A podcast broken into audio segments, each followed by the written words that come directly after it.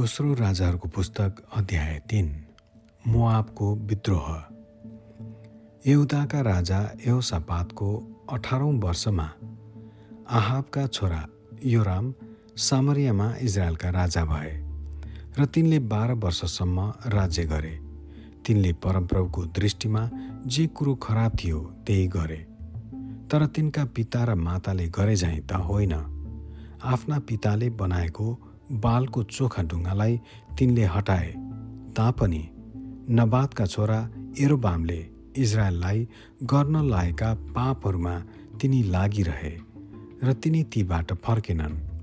मोआबका राजा मेसाले भेडाहरू पाल्थे अनि तिनले इजरायलका राजालाई एक लाख भेडाका पाठाहरू र एक लाख भेडाहरूको उन दिनु पर्थ्यो तर आहाब मरेपछि मोआबका राजा इजरायलका राजाको विरुद्धमा बागी भए। यसकारण त्यसबेला राजा युरामले सामर्यबाट आएर सबै इजरायललाई भेला गराए। तिनले यहुदाका राजा यहोसापातलाई पनि यो समाचार पठाए। मोआबका राजा मेरो विरुद्धमा बागी भएका छन्। मोआबको विरुद्धमा लडाइँ गर्न के तपाईँ मसित जानुहुन्छ? तिनले जवाफ दिए। म तपाईँसँग जानेछु। म तपाईँ जस्तै हुँ। मेरा मानिसहरू तपाईँका मानिसहरू जस्तै र मेरा घोडाहरू तपाईँका घोडाहरू जस्तै हुन्। तब तिनले सोधे हामी कुन दिशाबाट आक्रमण गरौँ? यो रामले जवाफ दिए एदोमको मरुभूमिबाट। यसैले इजरायलका राजा यहुदीका राजासँग र एदोमका राजासँग गए। तिनीहरू सात दिनसम्म घुम्दै हिँडेपछि सेनाको आफ्नै लागि र भारी बोक्ने पशुहरूका निम्ति पानी खतम भयो। तब इजरायलका राजाले भने के परमप्रभुले हामी तिनै राजाहरूलाई मोआबको हातमा सुम्पिदिनलाई ल्याउनु भएको हो र? तर यो सोधे के यहाँ परमप्रभुका कुनै एकजना अगमभक्ता छैनन् जसद्वारा हामी परमप्रभुलाई सोधपुछ गर्न सकौँ? इजरायलका राजाका अधिकृतहरू मध्येका एकजनाले भने साफातका छोरा एलिसा यहाँ छन्। तिनले एलियाका हातमा पानी हालिदिन्थे। यो सपातले भने परमप्रभुको वचन तिनीसँग छ। यसै कारण इजरायलका राजा र यहोसापात एदोमका राजा तिनी कहाँ गए? एलिसाले इजरायलका राजालाई भने हाम्रो एक अर्कासँग के सरोकार? तपाईँका पिताका अगमवक्ताहरू र तपाईँकी माताका अगमवक्ताहरू कहाँ जानुहोस्? इजरायलका राजाले तिनलाई जवाब दिए होइन परमप्रभुले हामी तिनै राजालाई एकैसाथ मुआबीहरूका हातमा सुम्पिदिनलाई बोलाउनु भएको हो। एलिसाले भने सर्वशक्तिमान परमप्रभु जसको सेवा म गर्दछु उहाँका नाउँको शपथ खाएर म भन्दछु यदि मैले यहुदाका राजा यहोसापातको आदर नगर्ने भए म तपाईँलाई एक आँखाले पनि हेर्ने थिइनँ अथवा ख्यालै पनि गर्ने थिइनँ। तर अब एकजना बिडा बजाउनेलाई मेरो निम्ति ल्याऊ।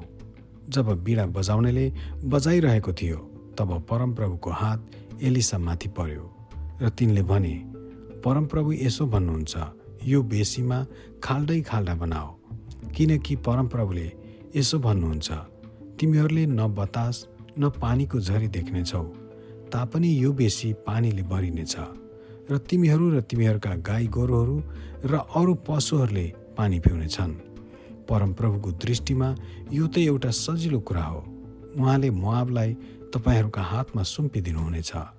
तपाईँहरूले किल्ला भएको हरेक सहर र हरेक ठुलो नगरलाई परास्त गर्नुहुनेछ। तपाईँहरूले हरेक असल रुखलाई काटेर ढाल्नुहुनेछ र सबै पानीका मूलहरू बन्द गरिदिनुहुनेछ। र हरेक असल खेतलाई डुङ्गाहरूले नष्ट पारिदिनुहुनेछ। भोलिपल्ट प्राय बिहानको बलिदालको समयमा अचानक एदोमको दिशाबाट पानी बग्न थाल्यो अनि जमिन पानीले भरियो। यसै बिचमा राजाहरू उनीहरूका विरुद्धमा लडाइँ गर्न आएका छन् भनी सबै मुहाबीहरूले सुने।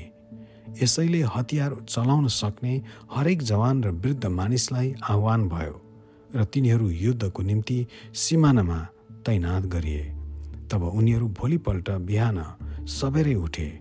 तब पानीमा घाम लागिरहेको थियो। मुआबीहरूले उनीहरूका सामुन्नेको त्यो पानी रगत जस्तै रातो भएको देखे। उनीहरूले भने यो त रगत हो। ती राजाहरूले झगडा गरेर एक अर्कालाई मारे होलान्। अब हे मुआबी हो लुट्नलाई जाओ। तर जब मुआबीहरू इजरायलीहरूको छाउनीमा आए तब इजरायलीहरू उठेर माओबीहरूलाई नभागुन्जेल उनीहरूसित लडाइँ गरे अनि इजरायलीहरूले उनीहरूको देशलाई आक्रमण गरेर परास्त गरे। तिनीहरूले सहरहरूलाई सर्वनाश गरे र सबै मानिसले हरेक असल खेतमा एउटा एउटा ढुङ्गा फ्याँकेर जमिन जस जताततै ढुङ्गै ढुङ्गाले भरिदिए।